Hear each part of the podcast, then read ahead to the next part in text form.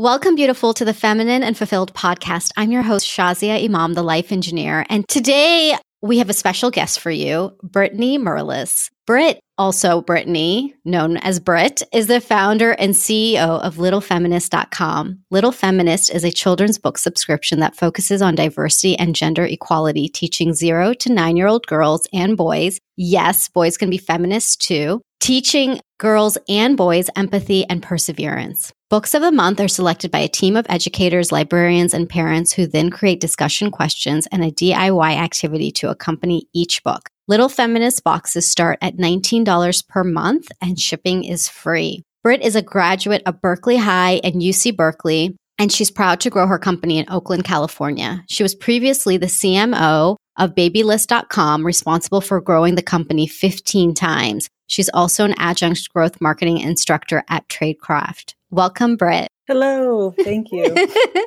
I'm really excited to have you today because I got to meet you recently at a women's retreat called Grace. And mm-hmm. what I loved was, first of all, I loved you. I'm sending you some jazz fingers. Yes, send them. I'm sending them back. Okay. That's an inside thing. That's something we got to do in an exercise there that Britt and I actually just created on our own.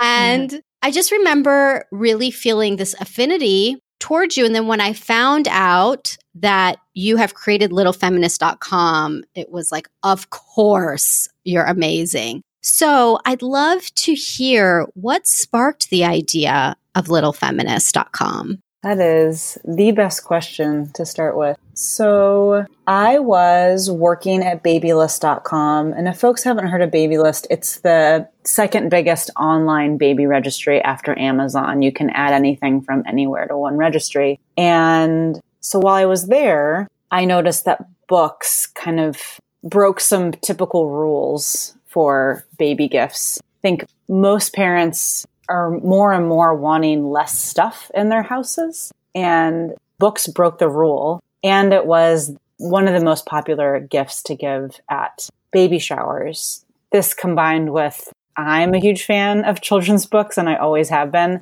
I am dyslexic. And so my favorite books have always been ones with images. and so when I realized I wasn't the only one who loved gifting children's books, I had kind of toyed with the idea of maybe starting something or doing something in the children's book category. And then just not that much research later realized, and it's, it's my white privilege to have only realized this in my adulthood, how white and male the majority of children's books are. Mm. And when I had learned that I think it's 31% of children's books feature a strong female character and less than this stat is on our site and I always forget the exact I think it's like 13% feature a person of color. I quit my job almost immediately to start mm. Little Feminist. Yeah. Mm. What was surprising to you? I think so. I knew that women mostly wrote books, so like wrote most children's books. So that the it's funny, it like shouldn't have surprised me, but the and I'm also in this bubble of the Bay Area. How like depressing and kind of desperate those stats were, like how bad it was mm. and how few authors and illustrators of color there are. What's happening more and more now is there there are more books published that feature strong female characters and kids of color, but they're mostly not written by we use the hashtag own voices, written by white folks rather than written by the folks that the book is about. And so there's so many juicy conversations that children's media brings up and children's books is something that I'm also so passionate about them because it's how I connected. It was like my favorite time as a child and with kiddos in my life to connect during reading time. Mm. So tell us, you mentioned that you were dyslexic growing up. Tell us more about that. So I didn't realize, it's funny, I feel like I wasn't diagnosed until college, when I started dating my now husband, he was just noticing. we were on a road trip and he noticed how frequently I would read new city names wrong. And so I, I mean, I kind of made it through my schooling without any added resources, but I think the result was that in my classes, I like knew from a very early age that I wasn't the smartest one in the class, but that I could do well if I worked really hard. So for the most part, my learning disability, I guess, hasn't been a big impediment other than I did very badly on all my standardized tests. I still made it to a good school, or I still made it to an amazing school. Amazing. Yeah, UC Berkeley. Yeah. yeah. So the diagnosis came much later, but there was always kind of this knowledge that inside that like I wasn't as quick in certain categories as others and like prone to make mistakes. And it actually kind of takes me back to thinking about how, so this, to go back to like what was surprising to me, there's a quote I love about children's books that was said by a um, famous librarian. And I'm going to kind of butcher the quote, but the gist is that books are both windows and mirrors. They are mirrors because they help us understand ourselves and windows and that they help us understand others. And I think about if I had had a book that talked, you know, that was about a kid who had a hard time reading mm-hmm. or if kids had more books about parents who are divorced or mixed race families or same gender parents or whatever it is, how, and not just the kids who are in that demographic, but for all kids to see, to have a window into all the different ways of being in this world. Mm, that is a beautiful quote. Yeah, I love it. So now that you've created this, so you left your job, you're like, I'm leaving because you were appalled. what happened next? Good question. So I left wanting to start something and it was a little bit messy.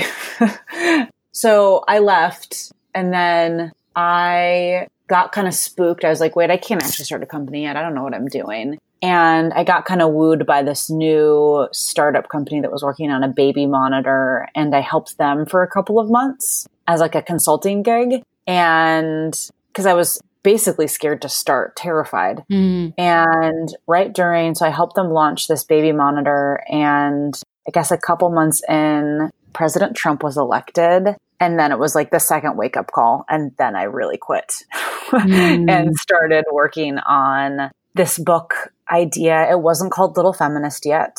And the first few months were testing and researching the services that existed. I interviewed parents. I held focus groups of all age ranges, like baby boomers all the way down to new parents to gifters. And this testing was happening like February, March, April of 2016. So this was right after the first Women's March in January. Hmm. Oh, no, sorry, 2017. And I remember that March. I flew out to DC yeah. just to be at Did like you? the main one. Yeah. Amazing. so powerful. I went to the San Francisco one and the Oakland one because there's one in the morning and one in the evening. and so the theme of a feminist book club for kids came from listening to folks and what they wanted. And most definitely it was affected by the time that we are in. Mm. Yeah. So once I decided it was a feminist book club for kids. I then did a pilot with 70 families for it was three to five months of testing like the sample product. And then a couple months after that, we launched. So that was November 2017. So, how did you know that you were going to do this book subscription model versus writing your own book? That's a great question. So, I am not a writer or an illustrator. My expertise is actually digital marketing and all things growing and building companies at a really early stage. And I knew, so I had been saving money while I was at Babylist, thinking that I would want to start something at some point. And so I had $50,000 saved. I want to note that that was a, instead of a retirement savings, I saved this like, you know, fund a company and savings account. And so I knew that with not that much money, I needed to create a company that like being a bootstrap startup, create something that made money on its own quickly. And so early on, a subscription product was interesting to me because really because of the cash flow. Mm-hmm. The second reason was they're really popular gifts. I notice when I gift to the little kids in my life, how much I love gifting subscriptions because it's something that kind of keeps on giving past Christmas when they're getting, or birthdays when they're getting tons of gifts. And so those are the reasons that subscriptions are most interesting. In terms of why we didn't start or I didn't think to start by publishing books first, in researching why there's not that many diverse books on the market, publishers say that there's a lack of them because there's not demand for them. Hmm. And I was seeing the exact opposite. So part of starting a subscription company was also proving, for me, proving publishers wrong. that we could affect change by buying massive quantities of diverse books and support emerging authors and illustrators, support books that featured strong female characters and kids of color. And so that's, yeah, I think it, and I never really considered starting from the author illustrator angle. I think because I'm not an author and illustrator. hmm Yeah, and it's a really powerful way to also support other authors. Like you said, emerging authors, people that may not have been noticed, may not have the ability to have the mass scale power that you can have. Maybe if you're more established or under a certain publishing clearinghouse. I don't even know how books work. I'm just kind of thinking right. out loud. Right to give people an opportunity as well and then have families have that diversity in books because until I met you, I actually never even thought about it. It's mm. not even something that, you know, I have a, a six year old stepdaughter, so we definitely read books to her. And it wasn't until I actually met you and right around the same time, it had been her birthday and she had received from a friend of mine a book called I Am Enough. Mm-hmm. And on the cover, it was a beautiful African American girl with curly hair. And the whole story is about you know, how she is enough. And the characters in there are very diverse. And the friend of mine who gave it, she's African American. And my stepdaughter is also, she's mixed. She's African American and Indian. And so she really saw that this book was a good option for her to have a book where somebody looked like her. And I remember going back and thinking, oh my gosh, this is such a good book because really everything else on her bookshelf is either Dr. Seuss, who I love, and, you know, a lot of the classics, which are really great, but truly there are no characters of color in many children's books. And yeah. then I met you. And then when you talked about the stats, I was like, oh my gosh, that makes so much sense. And it, it's not just about my stepdaughter seeing someone who looks like her, but another little white girl out there seeing another African American girl on her book and creating that as the norm. I mean, it's exactly. Yeah, it's so much bigger than just like having something that looks like us. You know, my parents are Indian. And so, so I, of course, always notice, you know, when there's an Indian character or, or girl of color. But I love this idea that everybody gets to see the diversity. Mm-hmm. I haven't even thought about it to that scale. And so when you shared about Little Feminist and this subscription model, it was refreshing because I, I don't even know that people know what this is causing and creating. There's a big gap right now. Yeah, I would. I am so hungry to do research on this, maybe next year or the year after. I'd love to learn more about how kids learn empathy. And there's some studies on this, but there's not studies on how children's books affect this. But we know that empathy is learned from stories and from sharing experiences. And children's books are exactly that. And so if there is a white six year old boy in Kansas that wants to learn what it's like to be Muslim and live in Colombia, like mm-hmm. what an mm-hmm. amazing, and vice versa, right? That stories are so powerful for building empathy and compassion across the entire world. Now I'm getting a little bit big picture and woo woo, but it's, yeah, I believe so much in the power of stories. Yeah. I mean, it is that big. I mean, I, I don't think that you should limit the vision at all because it, it really is that big. I mean, the piece about it not just being, you know, me finding people who look like me, you know, and really, like you said, creating that empathy, creating just like, this is, you know, somebody else in another part of the world, or this is how somebody else lives and their family looks like this. And,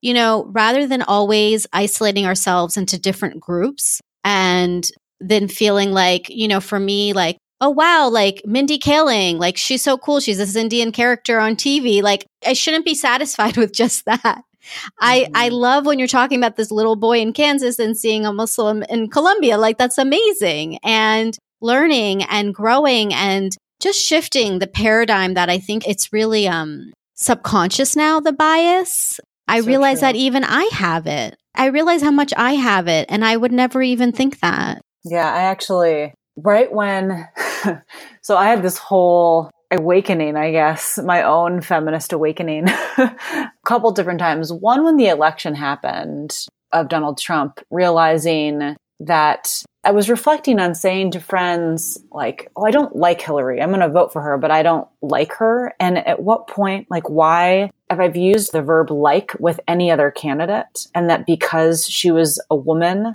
that I wanted her to be likable mm. and, or like, you know, emotionally caring or whatever it is. And so that was kind of one start. And then I have always, when I was in college, I remember a good friend of mine who was male saying that he was a feminist. And my first reaction, I think I was a freshman in college, was, oh, like, I probably am too, but I believe that race and like socioeconomic and money are a much bigger, you know, issue in the United States than gender because I haven't you know, as a woman, I haven't really come across much. And that's why I was a student and then hadn't even ventured, entered the workforce yet, right? And I think what's true is it's gender and sex is so deeply ingrained that it's hard to even know, like, what, yeah, exactly, how the biases are hard to even see because they're so ingrained. And mm-hmm. when I was doing this research and testing and folks wanted a feminist book club for kids. I was thinking, oh, well, I'll call it something else. And the tagline will just be a feminist book club for kids. And I'd do some more testing and like the most popular name by far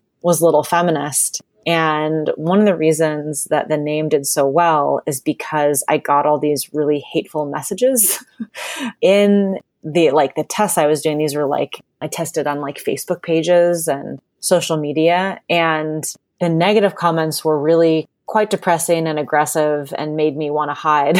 What did they but, say? Oh, just like I have like a screenshot of how bad some of them were. This is stupid as our feminists. Feminists will stop at nothing until they have all the power. Like as a white male, I don't see what women are complaining about.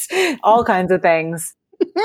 what rights do women not have in 2017? And I studied economics in college. I don't think I took any gender women studies classes. Like, I didn't even feel educated enough myself to be running a feminist company, let alone kind of being like a lightning rod for folks to write really messed up comments and kind of troll. And so I sat for about a month. I kind of like twiddled my fingers and didn't start the pilot yet because I was back and forth on whether I should even use little feminist in our name. And I actually reached out to a couple kind of mentors of mine in the business world, and all of them were like, yeah, don't do it. You're going to pigeonhole yourself. And really, what it came down to is creating the type of world I want to live in rather than where we are now.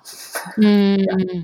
So now that you have Little Feminist, tell us again about it, how it works, and you know what you're curating and what you're hoping that the family on the other side you know, who's reading it, what you're hoping that they gain? That's a great question. So, Little Feminist, so we serve zero to nine year olds. We have a zero to three book club, three to seven year old book club, and a seven to nine year old book club. In each book club, we send either two paperback or board books or one hardcover. And folks can subscribe monthly or for three months or six months or 12 months. And it's a extraordinarily popular gift, even more than I thought. I thought when I picked the feminist name, we would kind of be taking ourselves, we'd have fewer gifts because a couple of people in user interviews said, like, oh, well, I'm a feminist, but I don't know if my friend is, so I wouldn't, I don't know if I would gift it, but I couldn't be farther from the truth. Little Feminist is a tremendously popular gift. So we spend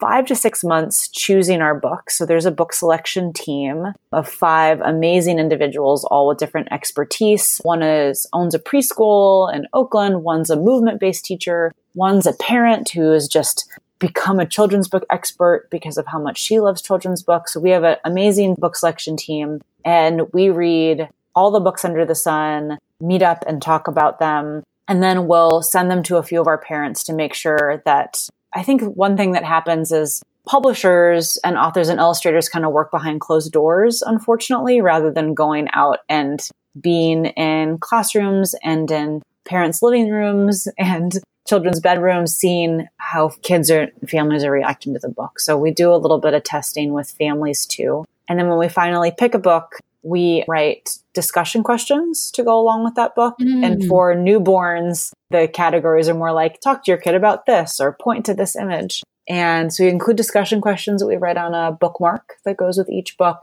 And then we also write a letter to parents on why we picked the book. And there's always a little activity, a DIY activity that folks could do at home, either something to color or something to make out of toilet paper rolls or a new recipe to try. But the, the goal of that activity is to be as simple as possible and easy. But the bigger goal is to help the book come alive at home and have it be, yeah, discussed and really that it, it's a source of fun for more than one book reading. Mm. And what's the most favorite response that you've received up until now? Oh gosh, there's so many good ones. You know, I'll be honest, I remember the bad ones more than I remember the good ones, which is something I get to work on for myself.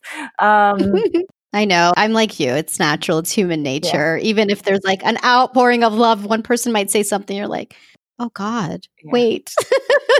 One of my favorite stories is, and this is because it's a woman I look up to her a lot. Her name's Sarah Lacy. She's a tech journalist that has written a couple, just wrote a book called The Uterus is a Feature, Not a Bug. So she's a rad feminist. And I sent her a box for three months just to get her thoughts on it. And one of the books that we had, I think it was, this is a beautiful story. So the book that we had sent is a book called Introducing Teddy. The subtitle is A Story of Gender and Friendship. And Introducing Teddy is about a transgender teddy bear. And it's a lovely book and very highly recommended with folks who are in the LGBT community too, and like educators of kids and counselors for kids who are trans. So we sent this book and I hadn't known that Sarah Lacy's son has kind of been experimenting with not experimenting, well, trying on being a girl. And it's been hard for their family. And she said when she opened the box,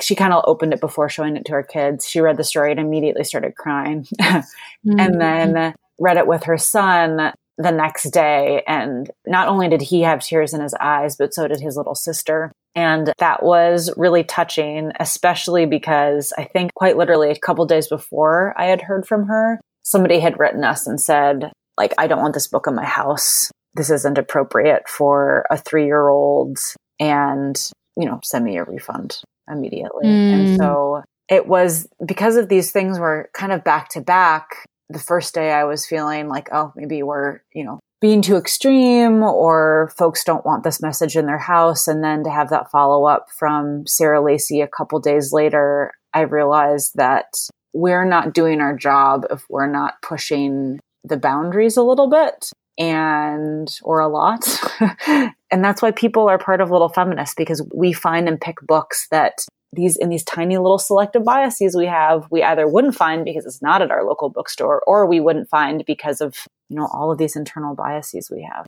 yeah and it's interesting you bring that up because we do i mean when i'm thinking about diversity of course i'm thinking about you know color mm-hmm. or religion mm-hmm. because i check those two boxes but when we talk about gender, it doesn't just mean male or female. I mean, there is a whole new conversation, and I'm not even well versed in it. I have my own inherent bias as well because it's not something that I'm exposed to. Right. And so you're right. I mean, there's so many things that as I continue to learn, I'm like, oh, okay, I see that. Oh, you know, I kind of hesitated or I thought.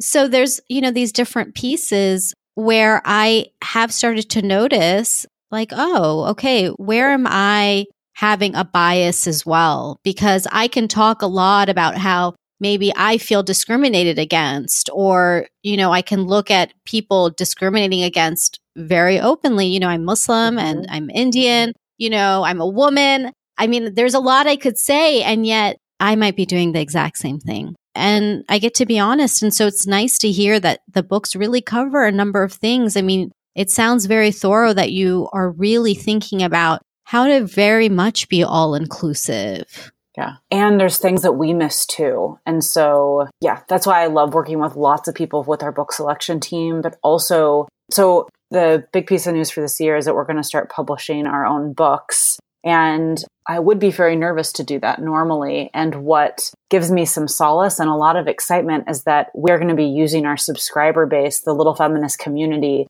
to help us pick the books that need to be out there that folks are craving because you know, a handful of publishing houses deciding what stories should be told and distributed is not cutting it at the moment. Cause there's so many, like you said, Shazia, there's so many little pieces there, right? Like, so one of the women on our book selection team has autism. And so we've been you know, we've been mm-hmm. desperately looking for a book that features autism in an empowering way. And that's so hard. My husband uses a wheelchair. And so I have my personal mission has been to find a book that features a kid who uses a wheelchair in an empowering way. And it's, they're not there, period.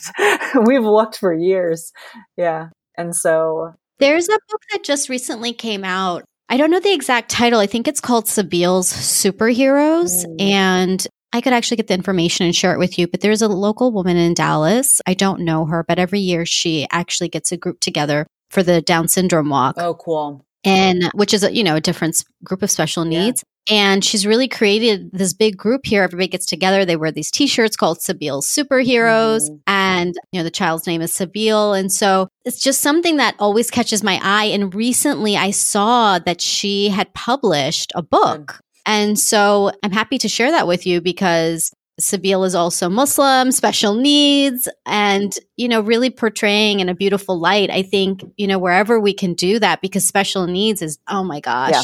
just another area that we are so not well versed in. And again, it ends up being siloed. You know, I see my friends who have children with special needs, they end up being siloed in you know, just with other parents with children mm-hmm. of special needs. Right. But why aren't the kids all playing together and we learn how to interact rather than, you know, always having to section mm-hmm. off? Mm-hmm. Mm-hmm. It's true. It's so true. So I, um, yeah, I coached a wheelchair basketball team all through college and after college. And we, there, I mean, when you're in an in group, there are these funny, like some of the jokes, I couldn't make them because I don't have a disability, but like even my husband will make jokes about like different and they're dark jokes about different types of right but rather than unifying mm-hmm. and yeah there's so many different aspects and perspectives and really like we're never going to get it 100% right and i think that that's mm-hmm.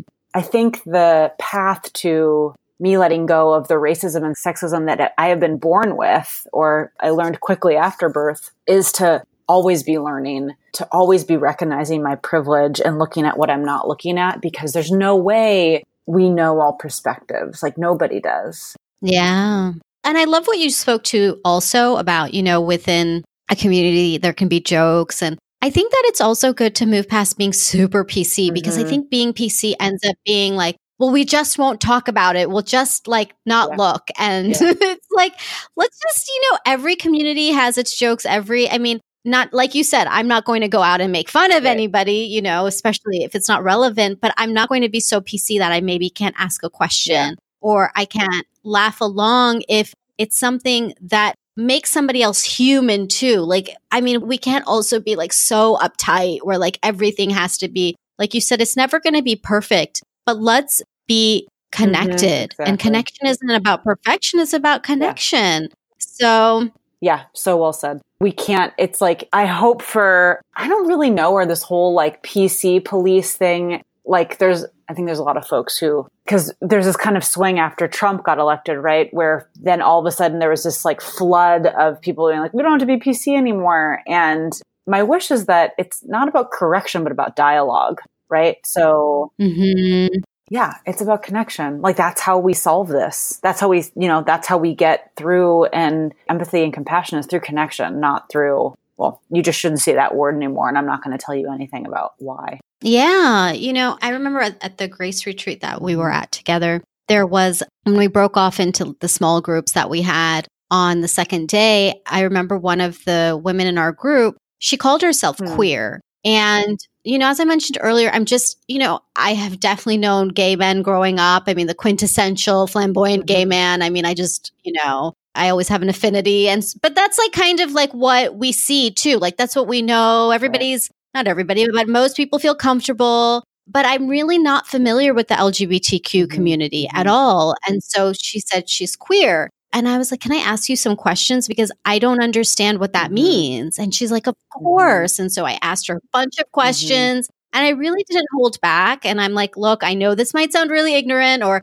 you know, I just really don't know. But, you know, can you answer these questions? And then you know, we got to talking further and I'm like, okay, now tell me about the infighting that happens and the mm-hmm. politics. And so we were laughing about that because every community has it. And, you know, she shared so much and it was so insightful. And I told her too, I said, you know, I like to ask questions because I wear hijab, I'm Muslim, but I cannot tell you, Britt, how many times I have not been asked anything, mm. even after knowing people for so long. And then finding out down the road, I remember a friend of mine, she's like, Oh, when you started wearing hijab, I just thought your dad made you wear it. And I laughed because I'm like, my dad was so mad I started mm. wearing it. But she had never asked in like a decade, you know, why I had started. And this was a close right. friend. It's such a good point. Well, my, as, before you even started talking about it, I was going to ask you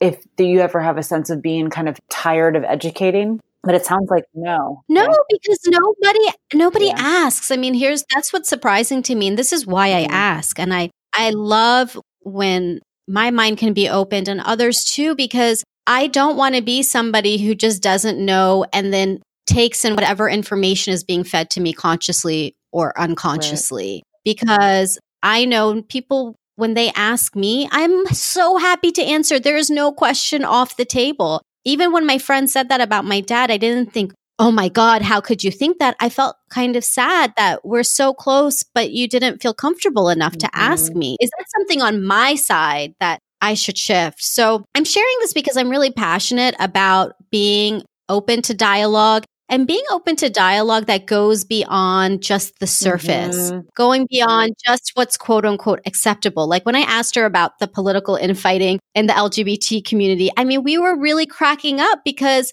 like she was able to share and it's like any other community there's always going to be stuff that like in a minority community you can talk about inside but you would never share on the outside and it's always juicy to know mm-hmm. those things so, you know, created this deep connection and we became really close. And she told me afterwards, she's like, Thank you so much for asking. I really appreciated it. And I said, Yes, I know how you feel because I also really appreciate it. And I imagine that most people do. Mm-hmm. mm-hmm. It's true. And I think I'm wondering if it's the type of questions too, but even then, like, so because my husband's disability is very visible, he uses a wheelchair all day, every day. Mm-hmm. This is such a good conversation because I haven't thought about this the most frequently asked question, especially actually almost all entirely from strangers, not even from like new friends, is why do you use a wheelchair?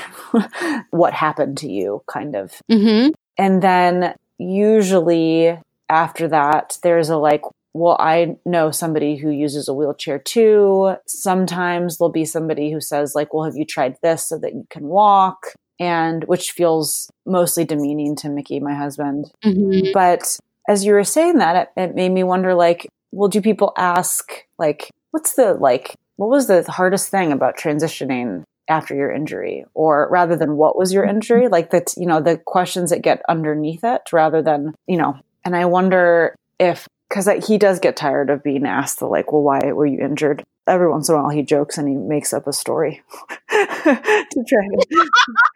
yeah, one of his friends, they were in his my husband plays wheelchair basketball and they were in an elevator together in Vegas and they were asked and his friends had a breakdancing accident.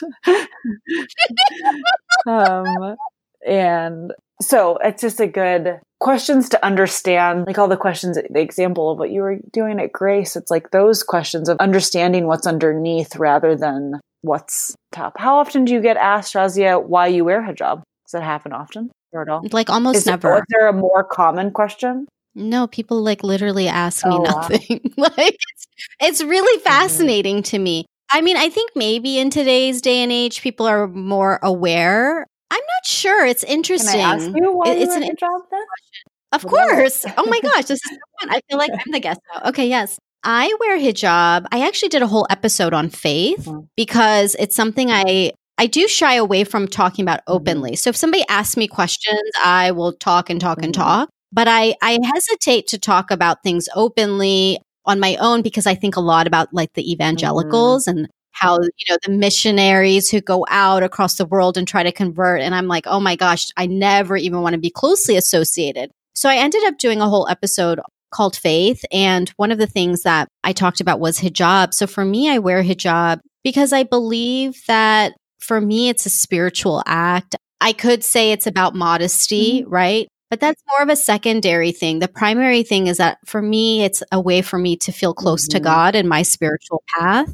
And then the secondary piece absolutely is around modesty and around feeling like I am valued for who I mm-hmm. am and not what I'm wearing or what I look like. And because I have life pre hijab and post hijab, I know the difference in the way that I am treated by men in particular. Mm. Not all men, of course, but a good amount of men, and how before hijab, I was definitely objectified more. Things that were said to me very much could be construed as just sexual mm-hmm. harassment. Mm. And post hijab, I just, I don't have to experience it. It's just not part of my world anymore because now when I'm speaking, you really don't have anything to look at except yeah. me, like my face and what I'm saying. And so now you can focus on the great words coming out of my mouth rather than whatever you may have been looking at before. So I love that. I'm so glad I asked uh, you because I never would have thought about that. I mean, actually, it's not, again, it's not surprising. I'm not surprised by your answer, and I never would have come to that on my own. Yeah. Mm-hmm. Yeah.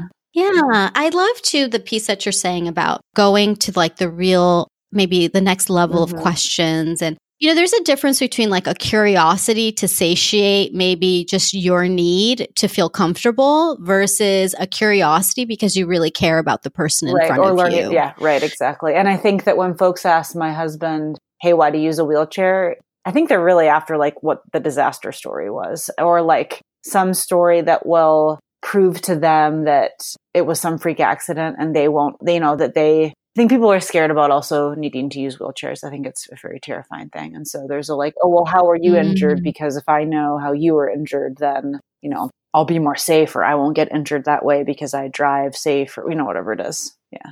Mm, yeah. Gosh, that's, I can imagine that being difficult for your husband and for you to have to kind of relive or have to deal with somebody else's own need. And you know, this is where as as humans we get to be better about like really where what's our intention and where we're mm-hmm. coming from when we're talking right. to somebody. Right. Yeah, it, it doesn't happen often, but it does happen like every time we go to the Golden Gate Bridge, like which is just you know it's more tourism, right? Or so, you know, it it happens more outside of our day to day life for sure. Mm. Yeah, because it, it's not frequent. Yeah. And, you know, I can imagine too. I mean, on my side, I really come in with a lot of mm-hmm. curiosity. Mm-hmm. I like to know. I love that you have books that now maybe I don't have to ask questions. I'm going to subscribe to your to Little Feminist. But I always, you know, I know that maybe sometimes I've erred, like, and I guess I err on the side of not caution. I'd rather still have a connection. I'd rather continue and I'd rather learn than to not say anything Correct. at all yeah, I because I know I know where I'm coming from. And so I wish that for other people, even when sometimes people can be like, people will make comments where I'm like, did you just say mm-hmm. that? But you know, I think also it just made me think too, because this is a fuzzy line, right? Because there are stories from when I was on the UC Berkeley campus, which is really hilly, and we have a lot of friends with varying disabilities. And somebody had just come up behind my friend and pushed her up a hill. And it's like before asking. And mm. she got mad at him. And then this person got mad back at her, who was like, I'm trying to help you. Why are you not taking my help? But really, like, who is the question about?